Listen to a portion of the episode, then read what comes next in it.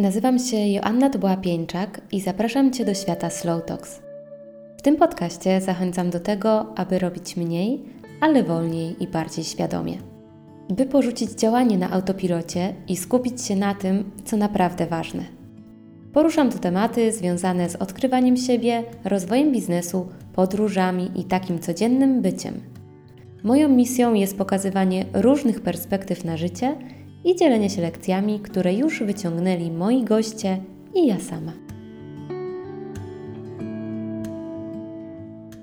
Niech pierwszy rzuci kamień ten, komu luty nie kojarzy się z miesiącem miłości.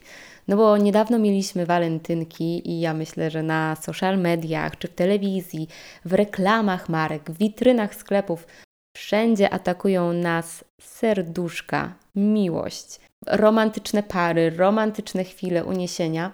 A ja trochę w kontrze chciałabym zwrócić uwagę na to, że w tym wszystkim, zanim nawet zacznie się budować relacje z innymi osobami, no to ważny jest ten self-love, ta miłość do samej, do samego siebie. I w tym odcinku pogadam o tym, jak ja okazuję sobie miłość, jak ja dbam o siebie, konkretnie o mój organizm i tak myślę sobie, że to dbanie o ten organizm można rozpatrywać na kilku płaszczyznach, a przede wszystkim na takiej płaszczyźnie mentalnej, no i na tej takiej bardziej fizycznej, bardziej materialnej. No bo z jednej strony bardzo ważne jest to, co my wkładamy do środka. I to zazwyczaj kojarzy się z tym, co jemy, co pijemy, jakie suplementy zażywamy, ale jest jeszcze ta druga strona, czyli to, jakie informacje przyswajamy, z kim mamy relacje, jakiej jakości są to relacje, jaki wpływ na nasz organizm ma stres, jaki wpływ na nasz organizm ma nasza praca. I w tym odcinku chcę się skupić na tym bardziej przyziemnym aspekcie, na tej fizycznej płaszczyźnie, bo uważam, że ona jest ważna i mam wrażenie, że czasem jest łatwiejsza, że czasem łatwiej jest nam wprowadzić coś nowego, tej namacalnej strefie, bo po pierwsze no, musimy wykonywać tą czynność, więc widzimy, że coś robimy. Po drugie, może jest szansa, że zobaczymy jej efekty szybciej, bo na przykład jeżeli mamy suchą skórę i zaczniemy regularnie używać balsamu, taki prosty przykład, ale chyba on dobrze zilustruje, no to po pewnym czasie z dużym prawdopodobieństwem ta skóra nam się nawilży, przez co stanie się bardziej miękka, jędrna, no i prawdopodobnie pożegnamy problem tej suchej skóry. A gdy pracujemy na tych rzeczach mentalnych, na tych rzeczach w nas samych, w naszym umyśle, to może być ciężko dostrzec nam samym efekty, albo może czasem na te efekty trzeba dłużej poczekać, bo to są rzeczy ze sobą połączone. Mamy jedno przekonanie, zaczynamy nad nim pracować, okazuje się, że mamy 10 kolejnych i żeby rozwiązać problem, z którym zaczęliśmy, de facto być może potrzebujemy przejść przez kilka albo kilkanaście innych punktów, aby rozwiązać to, nad czym chcieliśmy pracować. Więc ja w tym odcinku zaczynam od self-love w kontekście, jak ja dbam o mój organizm, takich codziennych czynnościach czy cotygodniowych czynnościach, które sprawiają, że na tej warstwie fizycznej czuję, że dostarczam mojemu organizmowi dobre rzeczy. I to są takie moje rzeczy, takie, które chcę robić z troski do siebie, z miłości, z takiej chęci zatroszczenia się o siebie tak, jakbym chciała zatroszczyć się o najbliższą mi osobę, a z drugiej strony mam wrażenie, że czasem w tym wszystkim można się pogubić. No bo wiecie, jeden rabin powie tak, drugi powie inaczej, i to, co ja i to, czym ja się z Wami podzielę, to jest coś, to są rzeczy, do których ja doszłam próbując, eksperymentując, porzucając pewne nawyki, wracając do nich, bo zauważyłam, że te rzeczy mi służą i ja je świadomie wybrałam całej po prostu listy różnych rzeczy, które można robić dla siebie. I to jest właśnie klucz, że my musimy wybierać pod siebie z tego, co będzie nam służyć. Każdy z nas jest inny, każdy z nas potrzebuje czegoś innego, ma inne uwarunkowania. I oprócz tej świadomej decyzji pod siebie, ważne jest, żebyśmy te rzeczy robili w takiej dłuższej perspektywie, by móc zaobserwować, czy coś nam służy, czy jednak nie. I znowu, to, że nam coś służy, nie będzie oznaczało, że będzie służyć wszystkim dookoła. I tu, żeby Wam zilustrować, o co mi chodzi, to ja jakiś czas temu wkręciłam się w tradycyjną medycynę chińską, ale okazało się, że wśród bardzo wielu rzeczy, które stosowałam albo zaczęłam przez to stosować w moim życiu, okazało się, że tradycyjna medycyna chińska niekoniecznie popiera zimne prysznice czy saunowanie. A ja uwielbiam saunować. Lubię też od czasu do czasu zafundować sobie zimny prysznic. I widzę, że czuję się lepiej. I widzę, że działa na mnie to dobrze, więc nie chcę z tego rezygnować. Jestem świadoma i wybieram pod siebie. I lubię też czerpać z różnych metod, z różnych sposobów, tak żeby po prostu właśnie konstruować typowo pod siebie jakiś taki zestaw dobrych zaleceń, które albo mogę skonsultować ze specjalistą, albo po prostu, albo i i na podstawie obserwacji samej siebie widzieć, co mi służy, a co nie. No i dobra, i tak powiedziałam, że skupię się na tej fizycznej płaszczyźnie, ale jednak bez mindsetu, bez takiego lekkiego wprowadzenia odnośnie sposobu myślenia nie obejdzie się, dlatego że ja przede wszystkim wierzę we właściwości samouzdrawiające mojego ciała i mam takie przekonanie w sobie, że jak będę słuchać swoich potrzeb, jego potrzeb, śmiesznie tak mówić o ciele jako o czymś osobnym, bo to przecież jestem ja, ale jeśli ja dostarczę mojemu ciału to, czego ono potrzebuje, czego ja potrzebuję, jeżeli faktycznie słucham się w potrzeby, jeżeli będę czuła na to, jakie sygnały daje mi moje ciało, to wtedy ono odwdzięczy mi się tym, że będzie dobrze działać, że ono będzie gotowe brać udział w tych wszystkich wyzwaniach codzienności, które ja sobie stawiam. No i tu wracam w zasadzie do punktu wyjścia, czyli do tego, jaki my mamy stosunek do siebie samych. Czy siebie kochamy? Czy jesteśmy wdzięczni za to, co nasz organizm daje nam każdego dnia, za możliwości, za wytrzymałość, za nawet te mechanizmy, które mówią: stop, zatrzymaj się, właśnie wyłączam ci bateryjki, bo musisz na chwilę usiąść, musisz odpocząć, bo tak dłużej nie damy rady.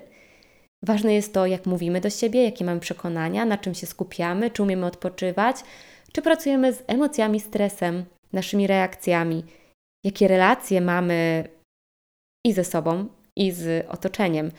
Więc wniosek jest jeden: bez odpowiedniego mindsetu, bez odpowiedniego zadbania o głowę, ciężko będzie tylko i wyłącznie samymi tymi działaniami w tym świecie fizycznym zapewnić sobie to, że organizm będzie dobrze działać. I ja wiem, mam nadzieję, że Ty wiesz, że ta strefa mentalna jest tak bardzo ważna, aby te inne rzeczy mogły działać, ale w duchu tego odcinka skupmy się na tym, co ja robię, żeby w tym świecie fizycznym, w tym świecie materii dbać dobrze o swój organizm. No i po pierwsze, wyróżniłam sen jako coś, o co myślę, że od kilku lat, ale tak świadomie, świadomie od dwóch, trzech lat to jest coś, na czym naprawdę zaczęłam się skupiać i traktować serio. Nie przestałam, o, przestałam wyzyskiwać mój organizm i udawać, że mogę w nieskończoność spłacać dług w postaci snu, który zaciągnę na przykład balując przez cały weekend. I przede wszystkim, jak myślę tutaj sobie o śnie, to mi zależy na podnoszeniu jego jakości. Śpiew zegarku, co kiedyś wydawało mi się abstrakcyjne i ja w ogóle nie lubię mieć na sobie jakichkolwiek rzeczy, łącznie z piżamą, podczas snu, ale z drugiej strony lubię dane. Więc zdecydowałam się na eksperyment i rozpoczęłam spanie z moim Apple Watchem, żeby móc monitorować e, fazy snu i ile te fazy w moim przypadku trwają. I faktycznie te dane są dla mnie ciekawe, bo potrafię też porównać jakość mojego snu, na przykład z tym, jaki miałam dzień, jak bardzo on był stresujący, albo na ile zakłóciłam mój sen tym, że poszłam spać nie o tej godzinie, o której chodzę zazwyczaj. I na podstawie tych danych mogę wysnuwać dla siebie wnioski, bo jeżeli na przykład przed snem mocno zdopaminuję się, śmieszne stwierdzenie, ale mocno zdopaminuje się, czy social mediami, czy czymś innym, to po prostu widzę, że ma to mocny wpływ na to, jak dużo głębokiego snu albo jak wiele przebudzeń następuje później w trakcie nocy. I według badań najlepszy jest właśnie ten sen zgodny z cyklem okołodobowym, czyli między 22 a 6 rano. I ja w sumie nie mając za bardzo tej informacji w głowie, zaczęłam od jakiegoś czasu właśnie tak sypiać, że o 22 faktycznie udaje mi się zasnąć, plus minus, i wstaję codziennie o 6. I dalej opierając się na badaniach, to tak między 18 a tym 70 rokiem, 65 rokiem życia, wskazane jest, abyśmy sypiali po 7 do 9 godzin. U mnie wyszło, że te 8 godzin to faktycznie jest taki spoko czas, który jest dla mnie ok, ale jeżeli coś zostanie zaburzone, to 7 czy 9 to już jest luksus, ale te 7 godzin dla mnie też będzie spoko. Jednak z różnych powodów możemy nie mieć tyle przestrzeni w ciągu doby na sen, albo nie chcieć tyle czasu przeznaczać na ten sen. I ja też zrozumiałam, że nawet nieważne jest tyle, ile dokładnie będziemy spać, albo jak to będzie się powiązane z tym cyklem okołodobowym, ale ważniejsze jest to, żeby mieć taki regularny rozkład snu, aby nasz organizm mógł dostosowywać się do tych określonych godzin naszego zasypiania i budzenia się. I jak ja faktycznie uregulowałam sobie te, ten czas zasypiania i ten czas budzenia, to zauważyłam, że po prostu mój organizm w pewnym momencie zaczął sam mnie wybudzać o tej godzinie, o której miałam ustawiony budzik. Więc to jest przede wszystkim dla mnie taki pierwszy krok, jeżeli chodzi o dbanie o sen, czyli możliwie jak najlepsze wyregulowanie i wyrównanie tych godzin, kiedy kładziemy się spać i kiedy wstajemy. No i idąc dalej, kiedy ja się budzę, to bardzo ważne jest dla mnie, żebym od razu nie zrywała się z łóżka i pędziła do wykonywania jakiejkolwiek innej czynności, tylko żebym posiedziała chwilę w ciszy. I to jest taki moment dla mnie, no w zasadzie tutaj wchodzę z tym światem mentalnym, ale to jest dla mnie taki moment, w którym ja postanowiłam, że dosłownie przez chwilę, ale myślę sobie o tym, za co jestem wdzięczna. Tak po prostu budzę się i pierwsza moja myśl, która mi przychodzi, za co jestem wdzięczna, żeby po pierwsze osadzić się w tej rzeczywistości, że ja już nie jestem w krainie snów, tylko czas wstawać z łóżka.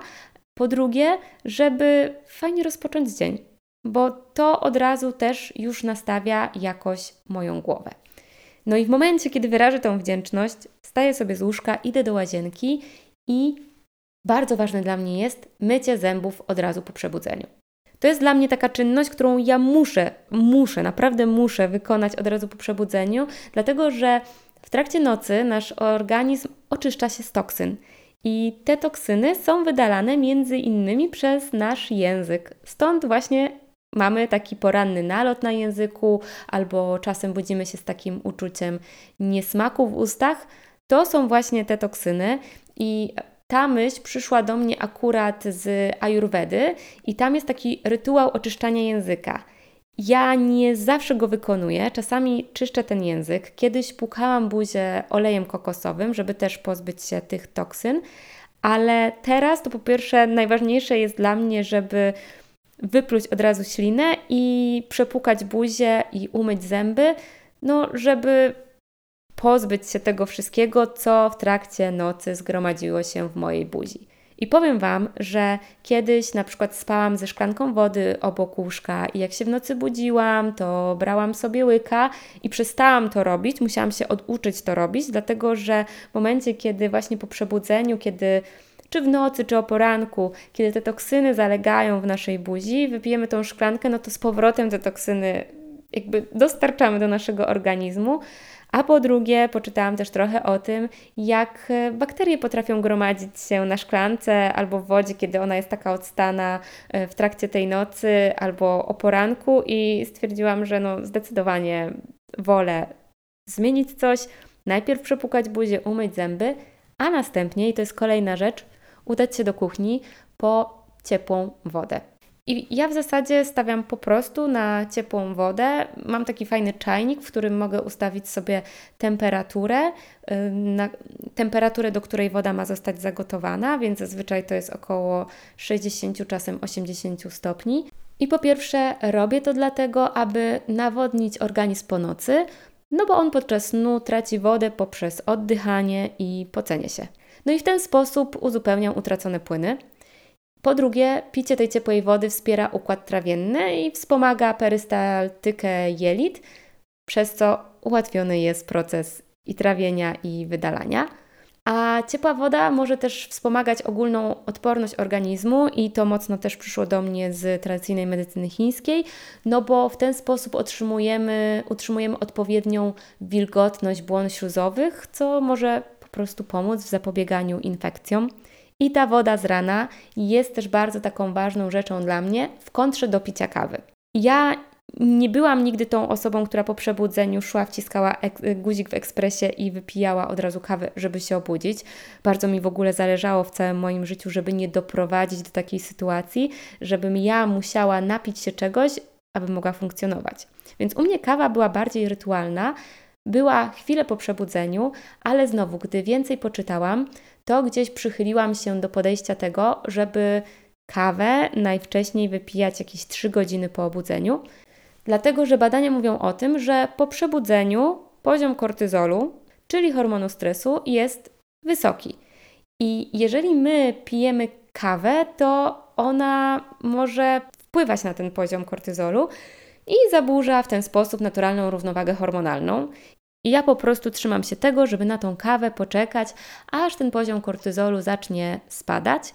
A swoją drogą to w zasadzie znowu po detoksie tradycyjną medycyną chińską, kiedy przez trzy tygodnie w ogóle w moim życiu nie było jakiejkolwiek kawy i ja tak sobie pomyślałam, że w sumie to nie chcę mieć używki, która w jakikolwiek sposób mnie stymuluje i nie chcę jej mieć, o może, nie chcę mieć jej codziennie, o, w ten sposób, więc przerzuciłam się na kawę bezkofeinową, bo po prostu lubię ten smak, lubię rytuał picia kawy, ale nie potrzebuję właśnie tego, co daje kawa, czyli tego y, podbicia, tego czasami wpływa to na mnie tak, że ja się czuję aż za bardzo pobudzona. Mam wrażenie, że mam w sobie po prostu dużo takiej energii.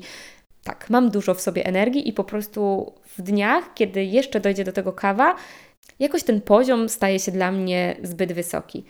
No i właśnie, to też jest połączone z tym moim snem, bo jeżeli ja w ciągu dnia nie mam używek, które w jakiś sposób wpływają na to, jak ja się czuję pod kątem tego poziomu energii, to też jakoś wyrównuje mi się ten mój e, zegar biologiczny i mój organizm w taki automatyczny sposób koło 22 odcina mi zasoby i mówi czas spać, a koło tej 6 rano w naturalny sposób mnie wybudza i ja jestem po prostu gotowa do działania. Kolejna rzecz, którą robię z myślą o miłości do mnie samej, do mojego organizmu, to zioła. To dobre jakościowe zioła, które mogą przynosić szereg dobrych korzyści. I z jednej strony zioła dodawane do posiłków, ale z drugiej strony to picie naparów i różnych kombinacji, które mogą wpływać na różne obszary funkcjonowania organizmu.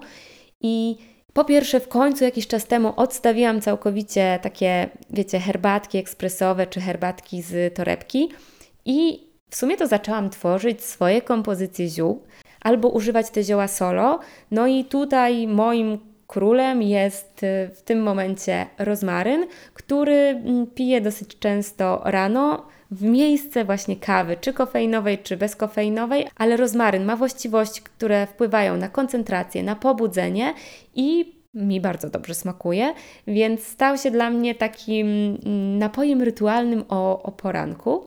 A w dodatku to nie dość, że go sobie wypijam, to jeszcze czasem zaparzę sobie z pół litra, przelewam do buteleczki, wkładam do lodówki i używam podczas mycia włosów jako wcierkę właśnie wzmacniającą cebulki, pobudzającą włosy do wzrostu. Inne zioła, które po prostu uwielbiam, to napar, natrawienie z kopru włoskiego, kolendry, kminu rzymskiego. Super pasują do tego jeszcze płatki róży. I to jest napar, który fantastycznie wpływa po prostu na trawienie, na jelita, na soki żołądkowe. a na wieczór lubię wypić na takie uspokojenie, uziemienie, na przykład lawendę z melisą. Już sam zapach, w ogóle zapach lawendy jest moim ulubionym zapachem, więc już sam ten zapach koi mnie i daje sygnały mojemu organizmowi, czyli mi, że pora już powoli lądować do łóżeczka.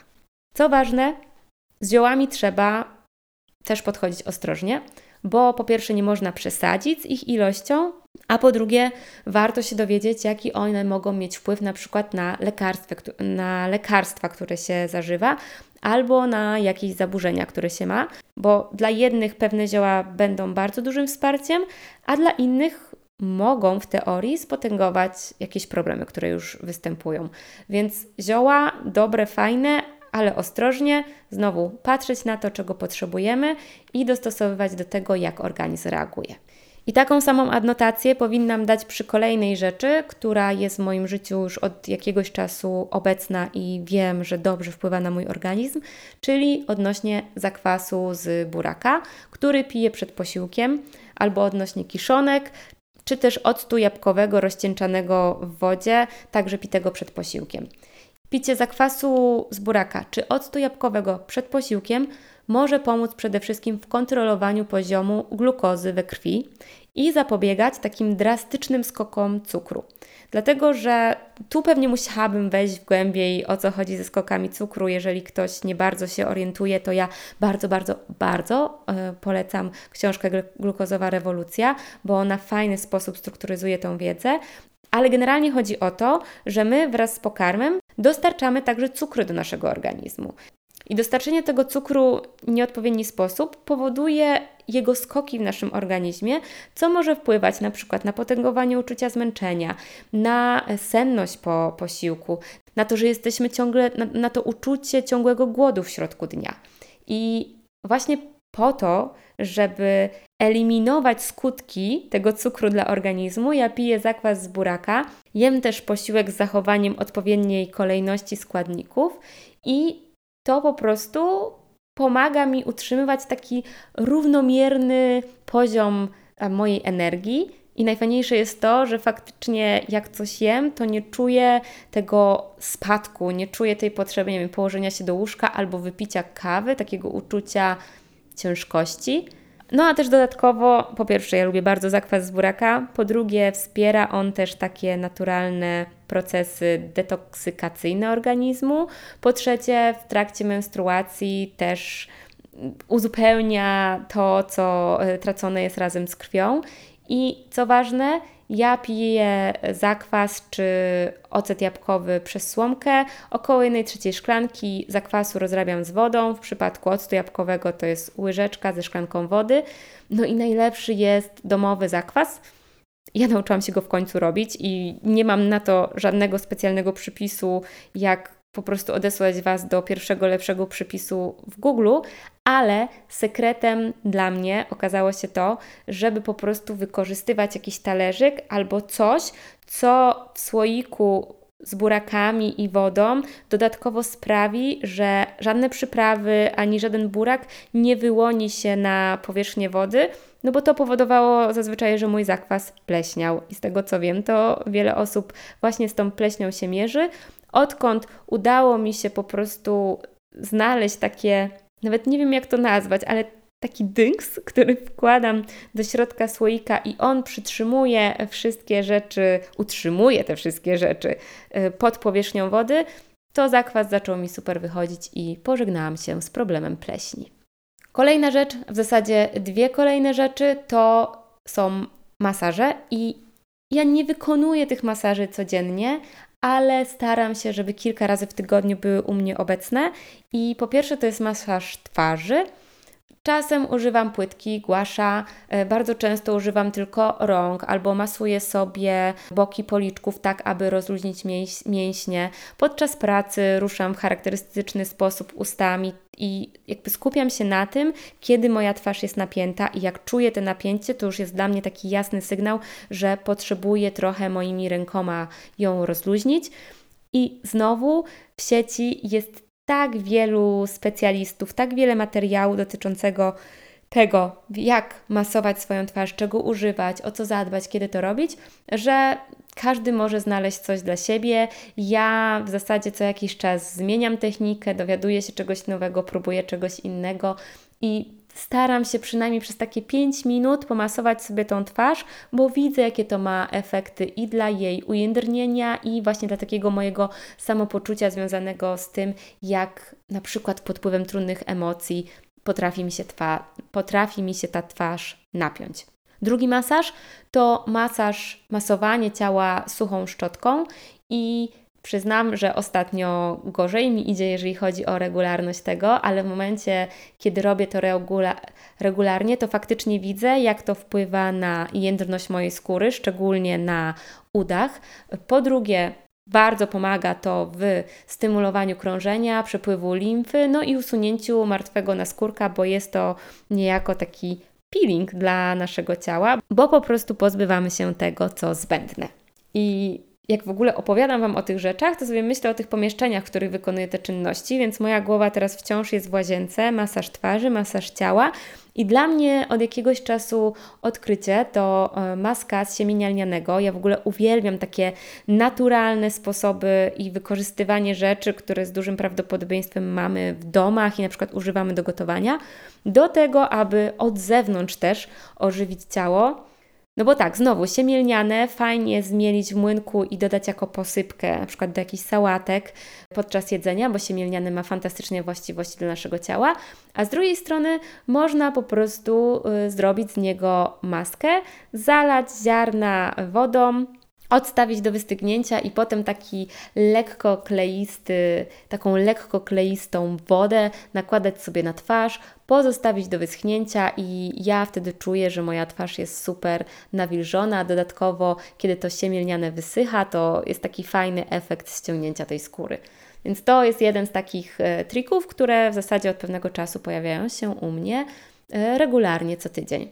No i też jeżeli chodzi o regularność, no bo też tak zaczynałam ten odcinek, że w tych wszystkich nawykach to nie chodzi do końca o to, żeby robić je y, zawsze jak od linijki i odhaczać. Chociaż kiedyś tam byłam i wydawało mi się, że chodziło o to, ale bardziej teraz jestem w tym miejscu, gdzie myślę sobie o tym, żeby robić to w miarę regularnie, żeby móc zauważać te korzyści. Bo jak zauważymy korzyści, to zwiększa się szansa, że będziemy chcieli to powtarzać, powtarzać i powtarzać, aż w końcu te rzeczy stają się takim nieodłącznym elementem naszej codzienności i gdy ich zabraknie, to wtedy czujemy, że coś nie gra i jak najszybciej chcemy do nich wrócić.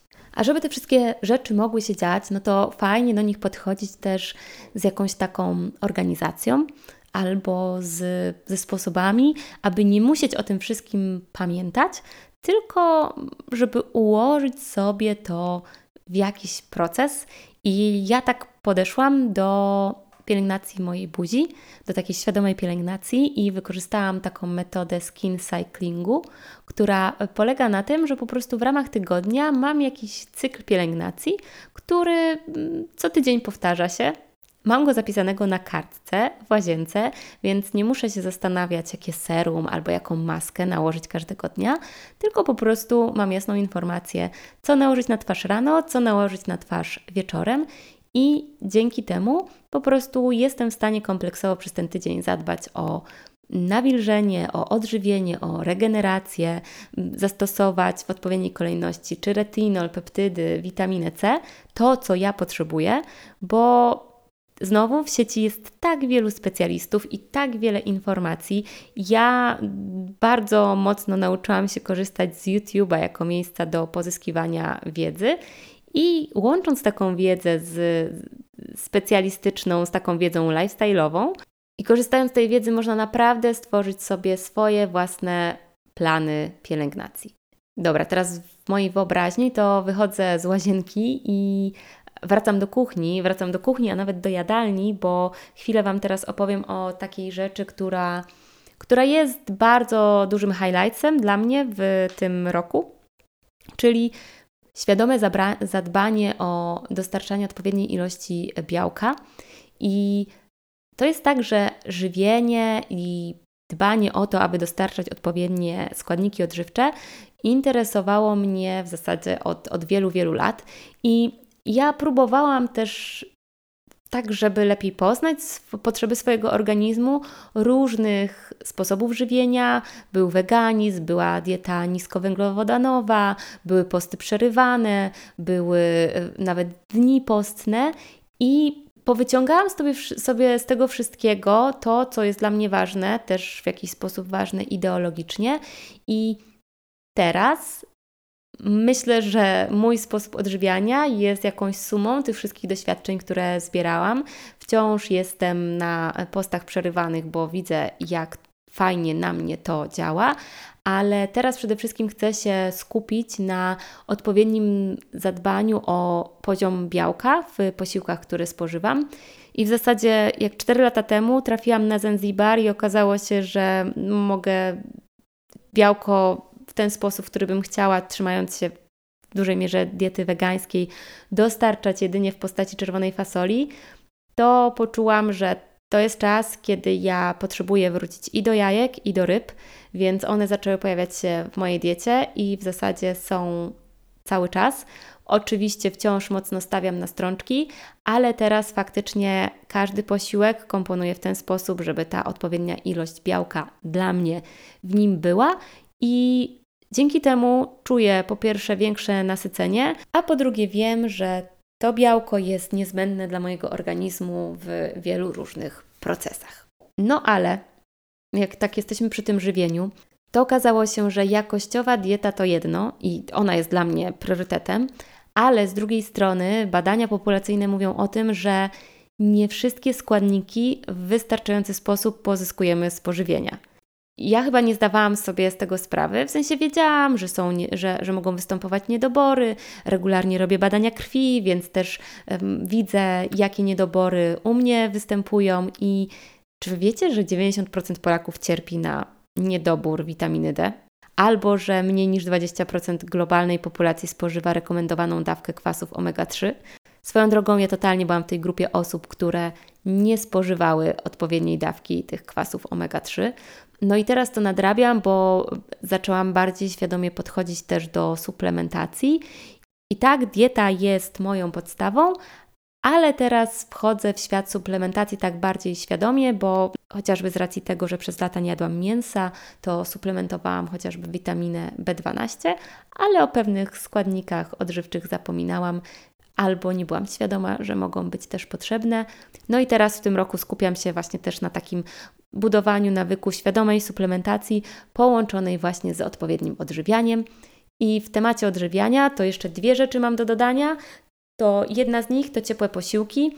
Ja po prostu widzę, że mój brzuch czuje się z nimi lepiej. I tak jak z ciepłej wody korzystam nie tylko o poranku, ale w zasadzie przez cały dzień piję ciepłą wodę, to tak samo w większości moich posiłków skłaniam się ku temu, żeby one były po prostu ciepłe. Druga sprawa to lokalne i sezonowe produkty. I to też jest temat, który zaczął mnie mocniej interesować ze względu na to, jak zaczęłam odkrywać tradycyjną medycynę chińską, bo tutaj też jest ważne to, aby faktycznie korzystać z tych lokalnych produktów i ja Kupuję jajka z miasteczka obok, ziemniaki z drugiego miasteczka, soczewica jest z Lanzarote, a co sobotę czekam na targ, gdzie kupuję warzywa, które rosną kilka kilometrów od miejsca, w którym mieszkam. Więc ta lokalność jest faktycznie na wyciągnięcie ręki tutaj. Na dodatkowo tak samo sezonowość, no bo jem to, co w tym momencie jest dostępne na wyspie. Patrząc na te rzeczy, o które staram się dbać, to jestem wyspana, jestem najedzona, jestem odżywiona, no i do tego wszystkiego dochodzi jeszcze ruch sport czy wysiłek fizyczny zawsze był obecny w moim życiu. Ok, może na studiach były takie dwa lata, kiedy na chwilę o tym zapomniałam, aczkolwiek myślę, że jako wysiłek fizyczny czy ruch można uznać długie spacery po mieście, wracając z imprezy, na której tańczyło się przez większość nocy. Ale teraz, myśląc o ruchu, to mam w głowie spacery, które są taką nieodłącznym, które są takim nieodłącznym elementem mojej codzienności i bardzo podoba mi się trend na, w social mediach, gdzie twórcy po prostu pokazują, jak idą na ten tak zwany głupi spacer dla mojego głupiego zdrowia psychicznego, ale spacer poza tą aktywnością fizyczną faktycznie daje dużo korzyści dla naszego umysłu, dla naszej głowy i totalnie, nawet jeżeli mamy 10 czy 15 minut, to warto zrobić sobie rundkę chociażby dookoła bloku, dookoła domu albo pójść na jeden przystanek dalej, żeby wsiąść do tramwaju, po to, żeby trochę tego ruchu wprowadzić do organizmu. No, ja jestem wkręcona na, maksę, na maksa w jogę i widzę, jak dużo ona mi daje, kiedy po przebudzeniu spędzę chociażby pół godziny na macie. Do tego ostatnio zajarałam się padlem, y, czyli grą, która jest takim miksem tenisa i squasha. No i wracam sobie powoli do zajęć siłowych. I to nie jest tak, że każdy z nas powinien mieć tak dużo tych aktywności, żeby dać coś dobrego dla swojego organizmu. Ja po prostu skumałam, że ruch fizyczny, sport to jest taka moja zajawka, która pomaga mi mieć więcej kreatywnych pomysłów, pomaga mi radzić sobie z emocjami, z trudnymi myślami. To jest dla mnie super sposób na spędzanie wolnego czasu i ja po prostu, jeżeli mam w coś inwestować swoją energię, to wybieram inwestycje w sport. A poza tym to chociażby spacer po posiłku również wpływa na poziom cukru w organizmie. Lepiej mi się śpi, kiedy jestem aktywna. Nie boli mnie ciało od siedzenia przy komputerze, mam więcej energii. No i dla mnie też ta aktywność fizyczna zawsze jest super pretekstem do zrobienia czegoś razem z innymi. Plus dzięki temu, że mieszkam w miejscu, gdzie jest dużo słońca, to po prostu aktywność fizyczna na świeżym powietrzu dodatkowo pomaga mi w dostarczaniu witaminy D. I ostatnia rzecz z tych, które sobie wypisałam, to praca z oddechem i taki świadomy oddech. I to jest dla mnie coś takiego na pograniczu tej strefy i mentalnej, i fizycznej, ale chociażby podczas praktykowania jogi ten element oddechu jest bardzo ważny, podczas spaceru czy wysiłku fizycznego tak samo, więc ja zaczęłam przykładać o wiele większą uwagę do tego, w jaki sposób oddycham. Potrafię zauważyć, kiedy mój oddech przyspiesza albo się spłyca. Potrafię tym oddechem, jego regulacją wpływać na swój organizm w momentach, kiedy się, tres, momentach, kiedy się stresuję albo jestem zaniepokojona. I ten świadomy oddech pomaga mi w takim uziemieniu, osadzeniu w tej sytuacji, w której jestem i pozbyciu się jakichś trudnych emocji czy stresu, co pomaga mi po prostu w lepszym funkcjonowaniu. I ta praca z oddechem ma bardzo dużo dobroczynnego wpływu na działanie całego organizmu i jest to dla mnie tak fascynujące, że każdy z nas oddycha, że w zasadzie bez oddechu nie bylibyśmy w stanie żyć, ale zarazem, dlatego że to jest coś tak automatycznego, my przestajemy na to zwracać uwagę i przestajemy o to się troszczyć. Wielu z nas oddycha w nieprawidłowy sposób, a to ma przełożenie na jakość snu, na to, jak czujemy się podczas wysiłku fizycznego, a jak czujemy się niefajnie, to go odkładamy na bok. Praca taka świadoma z oddechem, w ogóle zwrócenie uwagi na ten oddech w ciągu dnia może być również fajnym takim początkiem do pracy dla dobra swojego organizmu. I na koniec, chyba się nawet nie spodziewałam, że tyle będzie trwać ten odcinek, ale na koniec to chciałabym jeszcze raz podkreślić, że nie chodzi o to, aby całą listę takich rzeczy robić codziennie, albo żeby wziąć listę tych rzeczy, które ja robię i je odtworzyć z nadzieją na to, że poczujecie się dobrze. Każdy z nas ma taką indywidualną listę i czasem na tej liście może być tylko jedna rzecz, bo lepiej robić jedną rzecz regularnie i świadomie obserwować, jakie ona przynosi dla nas korzyści, niż mieć na tej liście 10 czy 15 czynności, które robimy z przymusu, traktujemy po łebkach albo oszukujemy siebie, że zrobimy następnego dnia, a jednak odkładamy je na później. Dlatego, jak zwykle, zachęcam od małych kroków, zachęcam do testowania, do w ogóle takiej refleksji nad tym, jakie punkty Wy umieścilibyście na swojej liście, jeżeli chodzi o takie self-love, o dbanie o swój organizm. Bo to może być ciekawy początek tej przygody, bo być może będą tam jakieś punkty, które robicie, ale w sumie nie wiecie, czy one dają Wam jakieś korzyści, a może robicie, bo tak mówią ludzie w podcastach na Instagramie i TikToku, A może zaniedbujecie jakieś drobne czynności, które mogą być dla Was ważne, bo wydaje Wam się, że te nawyki czy te rutyny powinny być czymś bardziej złożonym. A to jest bardzo złe przekonanie, dlatego że my powinniśmy przede wszystkim dostosowywać to, co się dzieje w naszym życiu, do tego, czego my potrzebujemy, nie porównywać się w żaden sposób z innymi i nie bagatelizować siły takich małych, małych kroków, jak chociażby to kilkusekundowe wyrażenie wdzięczności o poranku, czy zatrzymanie się na chwilę i poobserwowanie swojego oddechu. Ja Wam życzę dużo miłości do siebie samych i przede wszystkim takiego świadomego podejścia do tego, co Wam służy, a co być może w tym momencie w Waszym życiu jest zbędne. Na koniec mam do Ciebie wielką prośbę o ocenienie mojego podcastu w aplikacji Spotify i na iTunes. A jeśli chcesz podzielić się ze mną czymś jeszcze, to wpadnij na mój Instagram i napisz wiadomość prywatną joanna.tobola. Więcej treści do pracy nad sobą znajdziesz na portalu slowtalks.pl. No i do usłyszenia w kolejnym odcinku.